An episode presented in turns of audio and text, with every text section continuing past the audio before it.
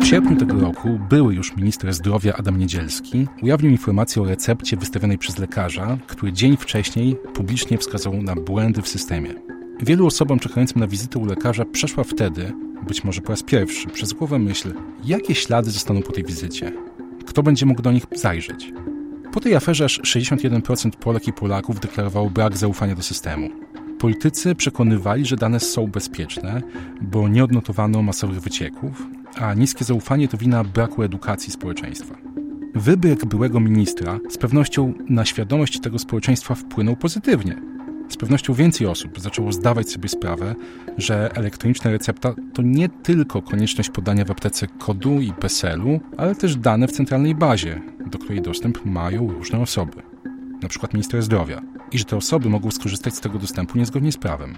A przecież e-recept to tylko jeden z elementów systemu. E-skierowania, e-zwolnienia, elektroniczna dokumentacja medyczna, ogrom danych. Czemu one służą? Czemu są przekazywane do centralnych baz? Jakie cele, jakie wartości stały za ich stworzeniem? W jaki sposób służą one pacjentom i pacjentkom? Jak wyglądają też zabezpieczenia przed nadużyciami?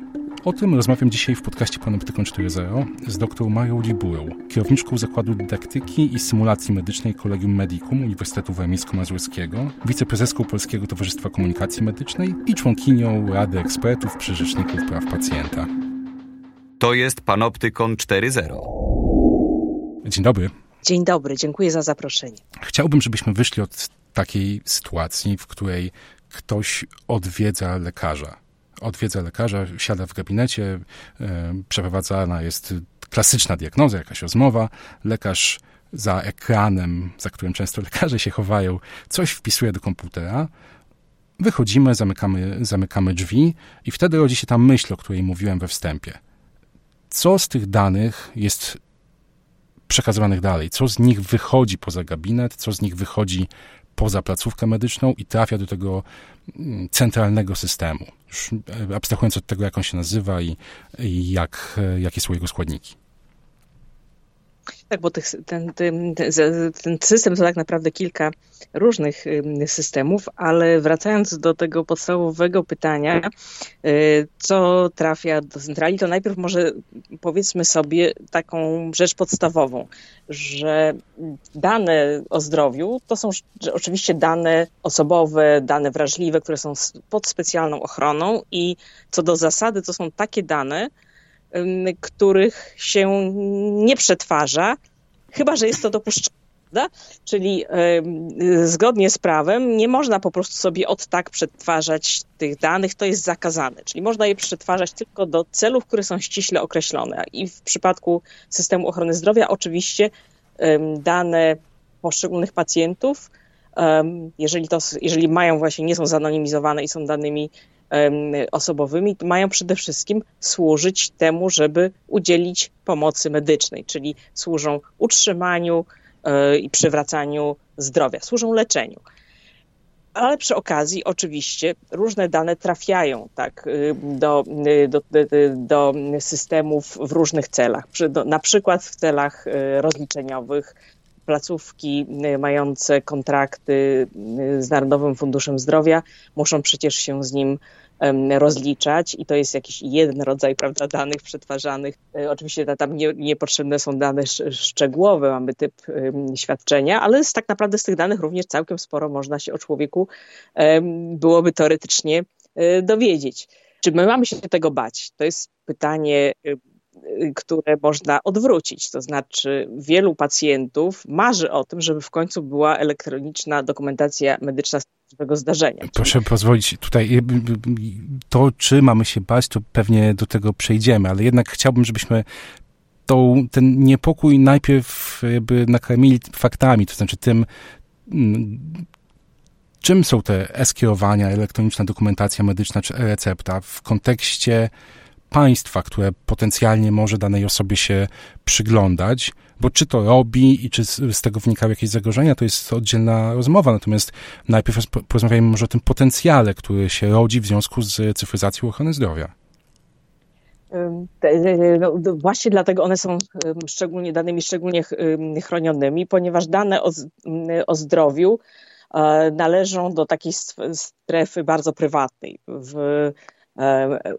krajach wysoko rozwiniętych mamy to takie bardzo silne poszanowanie prawa do prywatności. Ono jest zresztą koncepcją stosunkowo nową, bo sięgającą XIX wieku i dotyczy właśnie prawa do bycia pozostawionym w spokoju, tak? Czyli jest taki obszar, do, do którego inni nie mają prawa się wtrącać. I jednym z takich obszarów, takim, w którym mamy prawo do zachowania prywatności, są właśnie nasze, e, nasze kwestie zdrowotne. Tu można byłoby też wskazać na to, że sama kwestia y, posiadania określonych uwarunkowań zdrowotnych albo y, nawet zasięgania konkretnych konsultacji u konkretnych specjalistów ma wymiar nie tylko taki czysto obiektywny, to znaczy źle się czuję i idę do lekarza, ale, prawda, żeby coś skonsultować, jakoś poprawić swoje zdrowie, ale też ma po prostu wymiar społeczny i kulturowy, czyli w pewne typy schorzeń wpływają na to, jak ludzie są postrzegani. Tutaj E, wiele zrobiono, żeby zmienić e, stereotypy mm, i pewne uprzedzenia dotyczące zaburzeń zdrowia psychicznego, ale nadal możemy nie chcieć jako mm, pacjenci, żeby informacje o naszym e, leczeniu właśnie w tym obszarze wydostały się jakoś szeroko, albo żeby cała miejscowość wiedziała, prawda? Mówiąc tak już e, e, z przesadą.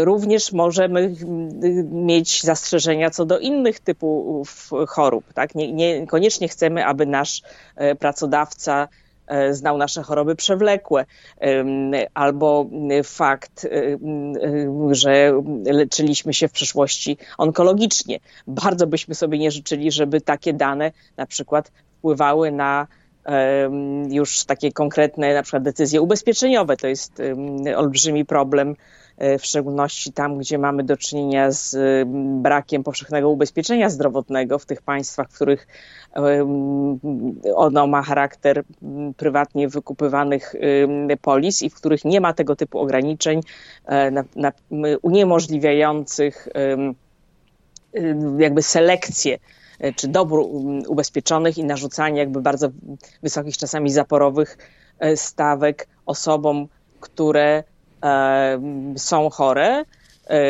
mogą być chore albo ma, mają pewne uwarunkowania, które predysponują je do zapadnięcia na określone choroby, czyli mają pewne ryzyka.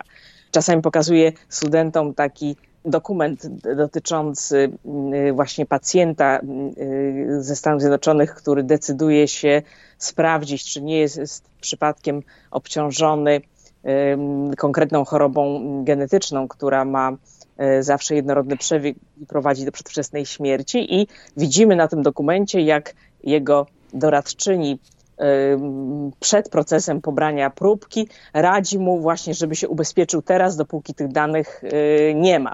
To jest, to jest okropna taka wizja właśnie związana z tym, że pewne świadczenia mogą w przyszłości zależeć, w przyszłości albo teraźniejszości, ale poza Polską na szczęście, z tego co wiem, zależeć od, e, od tego, w jakim jesteśmy stanie zdrowia. To jest, e, to jest porażające.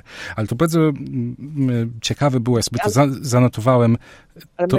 nawet, e, nawet w Polsce, pomimo tego, że jesteśmy właśnie w kraju, w którym takie rzeczy są niedozwolone, to i tak możemy się spotkać z, czas, z takimi różnymi, mniej lub bardziej ukrytymi i zaawalowanymi formami dyskryminacji ze względu na różnego rodzaju ryzyka związane ze zdrowiem, niekoniecznie e, z chorobą, tak jak chociażby no, niekoniecznie przyjazne nastawienie do zatrudniania bardzo młodych kobiet ze względu na to, że pracodawcy obawiają się, że mogą one zajść w ciążę, prawda? Więc y, to nie są rzeczy czysto teoretyczne. Tutaj podam taki przykład y, dramatyczny, kiedy właśnie informacja y, genetyczna, informacja uzyskana poprzez badanie, które miało zdiagnozować problemy tego pacjenta, mogła po prostu wpłynąć na, na no, bardzo radykalnie na potem na jego możliwości leczenia, ale de facto kwestia stanu zdrowia bardzo często jest również u nas przyczyną różnego rodzaju form właśnie takich dyskryminacji, czy wiąże się z pewnymi uprzedzeniami. wiemy, że to, że to jest jakby niezgodne z prawem, ale to nie znaczy, że to się nie dzieje. No, tak, niestety prawo nie zawsze, czy praktyka nie zawsze odpowiada prawu. Zanotowałem sobie to, co pani mówiła, że dane służą leczeniu i kiedy mówiłem o tych, o cyfryzacji służby zdrowia i o tym, ochrony zdrowia i o tym, że tam jest coraz więcej danych, przypomniał mi się pewnego rodzaju eksperyment, który zrobił dr Paweł Litwiński, e, który jest ekspertem z zakresu ochrony danych osobowych, który sprawdził, jakiego typu dane i ile danych na jego temat konkretnie przechowywanych jest w internetowym koncie pacjenta. E, złożył wniosek na bazie przepisów o ochronie danych osobowych. Po bodaj kilkunastu dniach dostał bardzo obszerną odpowiedź wskazującą jakiego typu informacje, o typu o jego szczepieniach, o mm, receptach, które mm, były mu przypisane, znajdują się w tym systemie. Także informacje na temat tego, kto do tych danych miał dostęp, kto te dane wprowadzał. Więc to jest bardzo, bardzo ciekawe narzędzie, ale z tego eksperymentu z jednej strony przede wszystkim wynikła taka, dla mnie taka myśl, że nawet jeżeli ktoś nie jest zbyt takim częstym e, pacjentem, to liczba tych informacji na jego temat jest e, bardzo duża. I mimo tego, a może obok tego, e, cały czas Polacy i Polki, coraz wzrasta liczba osób, które korzysta z tego, że służba zdrowia, ochrona zdrowia jest e, scyfryzowana. Mam tutaj przed sobą informacje na temat tego, e, ile osób posiada swoje konta pacjenta w systemie zdrowia, bo w 2019 roku, czyli jeszcze przed pandemią, było to około 600 tysięcy zarejestrowanych kont, a dwa lata później, po pandemii, liczba ta przekroczyła 10 milionów. Pewnie szczepienia tutaj miały gigantyczny gigantyczny wpływ, ale no, wszyscy, którzy liczą się do tych 10 milionów, czują, że jedną z korzyści e, cyfryzacji ochrony zdrowia jest właśnie to, że pewne rzeczy można e, zrobić w sposób zdalny, ale mm, ponieważ wyszedłem od tych obaw, które mogą się zrodzić w głowie pacjenta wychodzącego z tego gabinetu, to chciałbym, żebyśmy może chwilę porozmawiali o tym, nie tyle czego się ma bać, tylko o tym, dlaczego ten system jest e, coraz bardziej właśnie scyfryzowany, dlaczego te dane są e, przetwarzane. Po co to jest, mówiąc najogólniej? Korzyści, jakie płyną z tej właśnie z cyfryzacji, czy z tego, że te nasze dane trafiają do baz danych, takich banków danych, można byłoby powiedzieć, jest bardzo wiele, bo jakby z punktu widzenia systemowego, no to jednym z, jedną z takich podstawowych funkcji to jest ułatwianie rozliczeń pomiędzy Narodowym Funduszem Zdrowia i placówkami, ale także dokonywanie analiz, czyli e, tak naprawdę możemy na podstawie zebranych danych mieć e, wiedzę o populacji no, czyli, e, bo tutaj wcześniej mówiliśmy o pojedynczym e, pacjencie i jego danych, e, czyli tych danych jednostkowych. Natomiast dla polityków zdrowotnych jakby kluczowe znaczenie mają też informacje, które można wygenerować dzięki dużą, dużym zbiorom danych, które pokazują, jaki jest stan zdrowia ludności, jak to się różnicuje regionalnie e, w państwach, w których e, większą wagę przywiązuje się do kwestii społecznych, determinantów zdrowia, też bardzo mocno bada się wpływ czynników e, społeczno-ekonomicznych na stan zdrowia, czyli po prostu to, w jaki sposób przynależność do określonej klasy społecznej wpływa na stan zdrowia, bo wiemy, że to ma olbrzymi wpływ na, na to, jak ludzie chorują, a nawet na to, czy podejmują leczenie i jak skutecznie są leczeni. I y, innymi słowy, dane są gromadzone po to, żeby wytworzyć z nich wiedzę, no i mamy nadzieję, że na podstawie tej wiedzy podejmowane są bardziej trafne decyzje dotyczące w ogóle kształtu systemu ochrony zdrowia. Ale... Czego potrzebujemy, gdzie potrzebujemy i dla, dla kogo powinniśmy wytworzyć jakieś konkretne rozwiązania. Tutaj Czyli chciałbym, ten... jeżeli pani pozwoli, jednak to podążyć, bo, bo mówiąc o tych korzyściach, tutaj padł wątek rozliczeń, w sensie finansowych ze strony Funduszu Zdrowia, wątek, który ja sam przywołałem, czyli komfortu ze strony, czy wygody, łatwości obsługi ze strony pacjentów, no i ten, o którym pani teraz mówi, czyli no, korzyści na poziomie e, nie takim indywidualnym, tylko korzyści społecznych, które oczywiście w dłuższej perspektywie przekładają się na czy mogą się przełożyć na korzyści dla konkretnych osób, ale mm, rozumiem, że ten, ten wątek to jest wątek na poziomie takim teoretycznym, ale chciałem dopytać, czy w Polsce dane, które się e, są w systemie, są do tego wykorzystywane? Przez kogo? Jak, naj, jak najbardziej, znaczy to nawet w, Polsce mamy chociażby mapy potrzeb zdrowotnych, które też są, są od wielu lat rozwijane i w zasadzie ich skuteczność właśnie zależy od jakości danych, które są gromadzone w systemie ochrony zdrowia i, i od tego, jak skutecznie potrafimy potem y, te dane właśnie w celach takich analitycznych przetwarzać. Jeszcze to jest, jeżeli chodzi o takie duże korzyści, niekoniecznie jakby wprost jednostkowe, to to jest kwestia rozwoju E, badań naukowych. Tak? Czyli dzisiaj bardzo wiele e, można e, dowiedzieć się poprzez analizę danych zebranych od pacjentów, możemy tu zdobyć wiedzę, która też ma charakter już taki bardzo aplikacyjny, czyli może wpływać na sposób prowadzenia e, terapii, może też doprowadzić wręcz, do jakby wzrostu wiedzy o jakimś obszarze, tak jak Brytyjczycy, którzy zrobili taki wielki projekt, w którym zbadali E, bardzo wiele genomów. To było oczywiście na zasadzie ochotniczej, tak? Zaprosili osoby, a wręcz całe rodziny, w których e, występowały albo rodzinne twory, albo choroby, które były, których podejrzewano, że mają tło genetyczne i na tej podstawie e, wyróżniono wręcz wiele nowych jednostek chorobowych, co ma ogromne znaczenie nie tylko w takim sensie, że wiele osób z ulgą E, w końcu otrzymało jakąś diagnozę, ale tak naprawdę potem to, to jest jakby podstawa do tego, żeby rozpocząć jakieś badania, które ostatecznie służą wynalezieniu konkretnych terapii. Więc y, te dane to jest jakby taka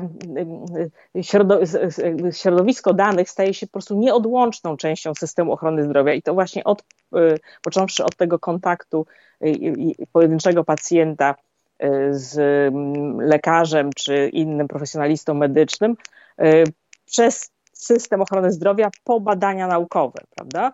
Więc y, od danych nie, nie uciekniemy, natomiast jest to, to pytanie, wracając do, trochę do początku naszej rozmowy, co zrobić, żeby y, zwiększyć zaufanie każdego obywatela do systemu ochrony zdrowia i do tego, w jaki sposób te dane są przetwarzane.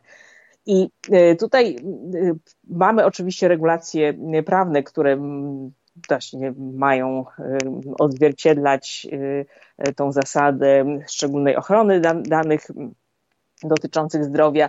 I jak patrząc się na przykład na to, kto może przetwarzać właśnie te dane czy informacje dotyczące konkretnego pacjenta, to, to co, co do zasady prawda, to to jest ten pracownik medyczny, który wytworzył tą informację, jak to, jak to jest ładnie napisane, w odpowiedniej regulacji, e, albo i, i, ktoś, kto pracuje w tym samym, w tej samej placówce, czyli kontynuuje leczenie danego pacjenta. Lekarze i pielęgniarki pierwszego kontaktu też mają co do zasady taki dostęp oraz Zawsze, kiedy jest zagrożenie życia pacjenta, może do tych danych mieć dostęp pracownik medyczny, natomiast w innych przypadkach, jeżeli chodzi o dane jednostkowe, to wymagana jest y, zgoda pacjenta. Czyli y, regulacje tutaj wyraźnie chronią tą prywatność. Tak? Czyli w praktyce bywa różnie. Tak? Było nie tylko skandal związany z byłym ministrem, ale przy okazji też chyba mniej więcej w tym samym czasie okazało się, że jakby prawo prawem, a na przykład konkretne rozwiązania informatyczne mogą spowodować, że jego obejście jest niezwykle prosty. No tak, tak bo tu, to tutaj pewnie te rozwiązania techniczne to jest obok prawa jeden z elementów, na bazie których można budować zaufanie, czy możemy budować zaufanie do, do systemu, ale jeszcze jest jeden wątek, bo yy, kiedy rozmawialiśmy w, też w Fundacji Panoptyką na temat tego, na temat naszej rozmowy, e, doszliśmy do wniosku, że jest jedno pytanie, czy jeden taki bardzo duży wątek, którego nie można, nie można pominąć, a, a który jest ważny dla osób, które być może są słuchaczami naszego właśnie podcastu. Mianowicie przymusowość. No bo chociażby wśród tych korzyści, o których rozmawialiśmy, y, tych y, społecznych, że na, na bazie danych o populacji kształtuje się polityki zdrowotne, że mm, te dane służą rozwojowi badań naukowych, także e, rozwojowi sztucznej inteligencji w obszarze ochrony zdrowia, mm, ktoś mógłby powiedzieć, że nie chciałby że on ceni sobie swoją prywatność y, wyżej niż y, tego typu wartości. Rozumiem, że na bazie prawa w dużym stopniu, no niestety jego, znaczy niestety, jego, jego opinia nie jest uwzględniana i informacje o zwolnieniach, receptach trafiają do, do elektronicznego systemu, ale dlaczego, a może czy, czy uważa Pani, że w tym wypadku ta opinia tych osób, ich odczucia powinny zejść na dalszy plan, czy jednak system powinien być tak skonstruowany, że e, powinien być na zasadzie takiego opt-inu, czyli tylko dla tych, którzy się zapiszą, a ci, którzy nie chcą, to nie muszą? Wydaje się, że w takim współczesnym kontekście to, to by był potężny cios w funkcjonowanie systemu ochrony zdrowia, który ostatecznie też e, byłby bardzo niekorzystny dla tych osób, e, które zrezygnowałyby z, bo to jest de facto rezygnacja e, z uczestnictwa w nowoczesnym systemie ochrony zdrowia. Można się spodziewać, że lada moment w ogóle praca lekarza, każdego lekarza e, będzie wsparta różnymi rozwiązaniami opartymi właśnie na, na przetwarzaniu danych. Prawda? I tutaj myślimy i o, sztucznej inteligencji wspomagającej podejmowanie decyzji klinicznych, ale też y, weźmy nawet, patrząc się na, powiedzmy, na rzecz mniej skomplikowaną, to problem chociażby stosowania farmakologii różnych leków. Bardzo wiele jakby złego dzieje się obecnie, y, właśnie, czy działo się długo przez to, że lekarze po, y, przy braku elektronicznej y, dokumentacji medycznej albo braku uprawnień e, nie mogli sprawdzić, jakie leki bierze pacjent. Tak, leki wchodzą ze sobą w interakcję i e, czasami pacjenci nie pamiętają, jakie biorą leki, i tutaj elektroniczna dokumentacja medyczna, możliwość wglądu w to y, właśnie, jak, jak, jakie są terapie przepisane przez, przez różnych y, specjalistów albo różnych lekarzy dla tego pacjenta, jest szansą na uniknięcie wielu błędów, które mogą się y, przydarzyć, w szczególności pacjentom z wielochorobowością albo pacjentom starszym, tym, którzy jeszcze dodatkowo mają to ryzyko, że nie pamiętają, jakie leki biorą. Ten wątek związany z wchodzeniem różnych leków w niekorzystne reakcje i, i też takiej troski o konkretnego pacjenta był przytaczany bardzo, pacjentkę, był przytaczany bardzo silnie w kontekście tak zwanego rejestru ciąż, czyli sytuacji, w której odgórnie na bazie przepisów stwierdzono, że musi być, musi powstać no, właśnie baza e, kobiet, które, które są w, w ciąży, po to, żeby lekarze na przykład w sytuacji ratowania zdrowia czy życia e, byli w stanie jakby dostosować swoje działania do, do tej sytuacji medycznej. No ale wciąż y, y, y, pamiętamy chyba oboje, z jakim się spotkało to,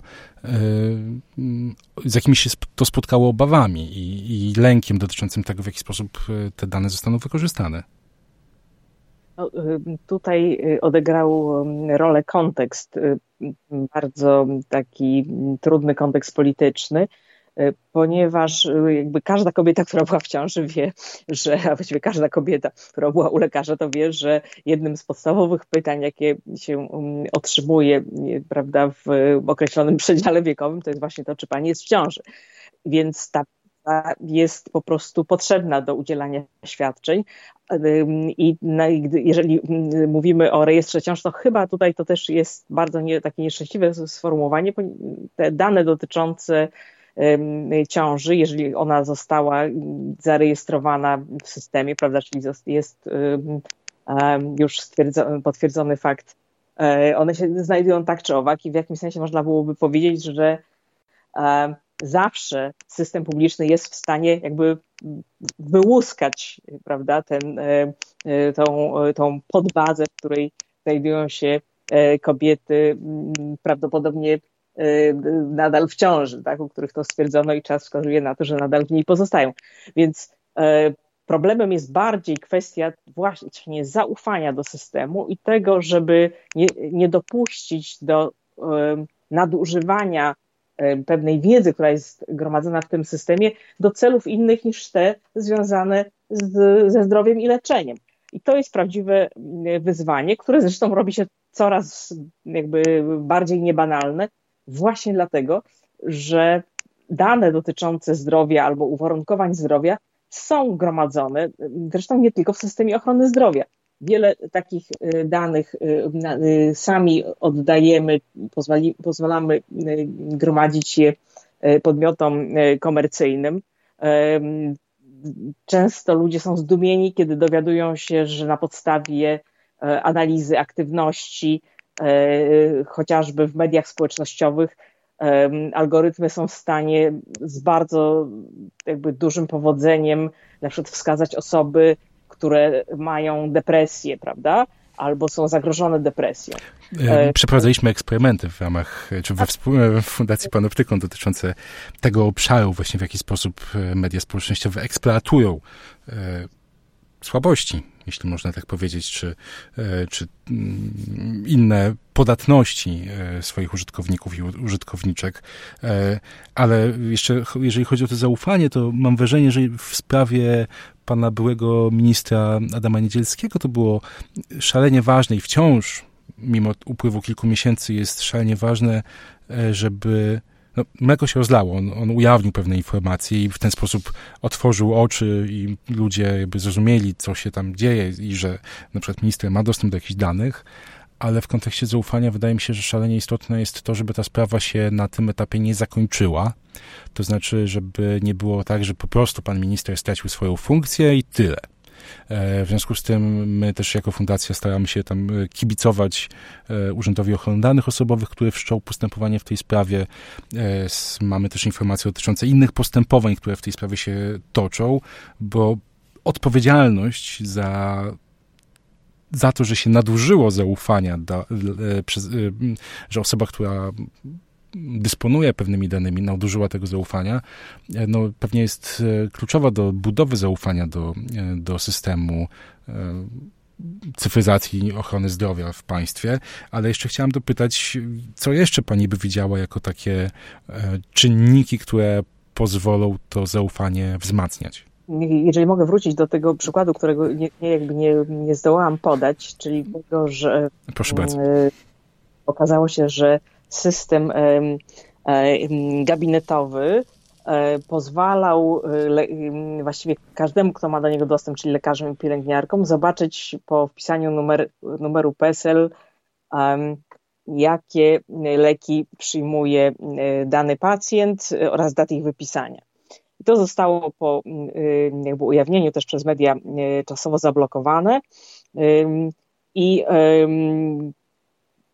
pojawiła się taka właśnie kontrowersja, czy, no bo teoretycznie właśnie prawo nie pozwala na ten dostęp, o ile pacjent nie wyraził zgody. I w związku z tym y, wykorzystanie tej jakby luki czy w systemie, jeżeli ktoś zdecydował się właśnie podejrzeć leki sąsiada, jak to y, pisał, y, pisał jeden z portali, było niezgodne z prawem. E, ale bardzo trudno jest e, pacjentowi sprawdzić, czy ktoś e, prawda, podejrzał jego właśnie jego leki bez jego zgody. I wydaje się, że wprowadzenie takich rozwiązań, które są postulowane nawet od dłuższego czasu przez samorząd lekarski, czyli tego, żeby pacjent miał prawo sprawdzić, czyli miał bardzo łatwy wgląd, na przykład poprzez IKP, w to, kto i kiedy, w jakim celu miał dostęp do jego danych medycznych, czyli kto i kiedy, kiedy je przetwarzał, jest już takim fajnym, po pierwsze, sygnałem, zobacz y, pacjencie, zobacz obywatelu, dostajesz tutaj pewne narzędzie też kontroli nad to, nad tym, kto y, zagląda w twoje dane. No i oczywiście w przypadku jak, jakichś tutaj wątpliwości można było, bo potrzebny byłby jakby tryb pozwalający pacjentom jakby y, dochodzić wyjaśnień, co, co tu się wydarzyło. A jednocześnie byłoby to przywrócenie pewnej sprawczości, bo chyba taką e, najbardziej jakby takim e, podważającym zaufanie tutaj elementem jest e, brak poczucia sprawczości po stronie można byłoby właśnie pacjentów dających sobie dawców danych, tak? czyli my dajemy te dane jesteśmy wzywani jako pacjenci do tego, żeby robić to altruistycznie, E, w tej chwili też wiele środowisk wręcz jakby promuje taką ideę dawstwa danych, tak, żeby udostępniać te dane szerzej, też do badań, żeby wytworzyć taką pozytywną postawę e, dzielenia się danymi dla dobra innych. Ale żeby to się wszystko wydarzyło, to musi się bardzo zmienić to środowisko, prawda? To środowisko, w którym pacjent nie tylko ma jakby udostępniać dane tam, gdzie musi, ale jeszcze jakby dodatkowo dzieli się nimi dla ogólnego dobra, to on naprawdę mu, musi mieć jakieś narzędzia, które pozwolą mu na jakieś poczucie kontroli na to, na, co z tymi danymi się dzieje. I taka, możli, taka fu prosta funkcjonalność, jak sprawdzenie, kto i kiedy y, patrzył w moje dane, to jest, wydaje mi się, do zrobienia i byłaby to funkcjonalność y, wiele zmieniająca y, w tym poziomie zaufania do danych, w szczególności tych danych, które są w systemie publicznym. Absolutnie się zgadzam z takim, z takim podejściem, bo to jest. Prawnicy mówią o tym, o tych, którzy, których dane dotyczą, że to są podmioty danych. Tutaj pani mówi o podmiotowości podmiotów danych, o, o tym, żeby byli traktowani właśnie w taki e, sprawczy sposób. Ten, ten powiedzmy eksperyment, o którym wspominałem, którego, który przeprowadził doktor Litwiński, właśnie z wnioskiem o e, ujawnienie informacji na temat tego, na temat siebie samego, no pokazuje, że coś takiego już jest możliwe na gruncie obowiązujących dzisiaj przepisów o ochronie danych osobowych, ale też trzeba jasno powiedzieć, że i też tak to komentował doktor, Litwiński, że y, odpowiedź, jaką otrzymał, no, nie jest najbardziej przejrzystą i taką przyjazną dla, y, dla pacjenta, czy właśnie podmiotu danych, bo no, trzeba mieć jakieś kompetencje, chociażby właśnie prawne, czy, czy z zakresu e, ochrony zdrowia, żeby, żeby to przeczytać, żeby wiedzieć, e, żeby wiedzieć, e, co się stało. Myślę, że można byłoby to w znaczny sposób ułatwić, usprawnić, także dając e, pacjentowi i pacjentce nie tylko prawo dostępu do tej informacji, ale też jakiegoś zdalnego czy automatycznego kwestionowania, czy takiego drążenia konkretnej sytuacji. To znaczy widzę w raporcie informację na temat tego, że moje dane oglądało 10 lekarzy i lekarek, spośród których jednego w ogóle nie pamiętam, nigdy tam u niego nie byłem. No i co, i co z tym fantem zrobić? E, to, żeby pacjent nie tylko zostawał z tą informacją, ale też, żeby, żeby miał jakieś narzędzie, żeby, żeby z tym zadziałać. Na koniec chciałem zadać jeszcze pani takie jedno pytanie, bo w kontekście wielu tematów, którymi zajmuje się także Fundacja Panoptykon, pojawia się taka obawa, że mierzymy się, czy, czy y, obserwujemy intensywne prace związane z tym, żeby, żeby jakiś obszar scyfryzować, żeby zastosować technologię, żeby rozwiąza- do rozwiązywania problemów. Natomiast y, te technologie nie zawsze są e, najlepszym rozwiązaniem. to jest technosolucjonizm, czyli wiara w to, że technologia, technologia rozwiąże skomplikowane problemy społeczne. I chciałem spytać, czy Pani zdaniem w obszarze ochrony zdrowia, które się cyfryzuje i rozmawialiśmy o tym, jakie są korzyści z tej cyfryzacji, mamy do czynienia z takim nadmiernym właśnie kładzeniem akcentu i, i wysiłku środków finansowych także właśnie w tym kierunku, podczas gdy takie podstawowe problemy leżą odłogiem, czy to jest w jakiś sposób wyważone? No, w zdrowiu niestety bardzo często yy, pojawiają się właśnie mody, w których yy, zakłada się, że jakieś narzędzie to jest rozwiązanie. Także myli się narzędzia z rozwiązaniem problemów. I, w, i e, w przypadku tech, takiego technoentuzjazmu, to niestety jak najbardziej mamy w tej chwili takie zagrożenie i wiemy już z takich realnych przykładów e, z różnych stron świata, że to jest zagrożenie niebanalne. To znaczy, sama cyfryzacja jest po prostu narzędziem, prawda? Ona jest narzędziem e, do prowadzenia polityki, ale ona nie dyktuje nam wartości, na których ta polityka ma się opierać. A jeżeli mówimy już o perspektywie chociażby automatyzowania pewnych decyzji, to wiemy doskonale, że mm, algorytmy, które są e, na przykład ćwiczone na no, dostępnych zbiorach danych, będą e, doskonale powielać albo doprowadzać e, wręcz do perfekcji, jeśli im na to pozwolimy, wszystkie zastane wzorce dyskryminacji. I to mm, zostało przećwiczone w niektórych państwach w, systemie, w systemach ubezpieczenia zdrowotnego, ale też zabezpieczenia społecznego.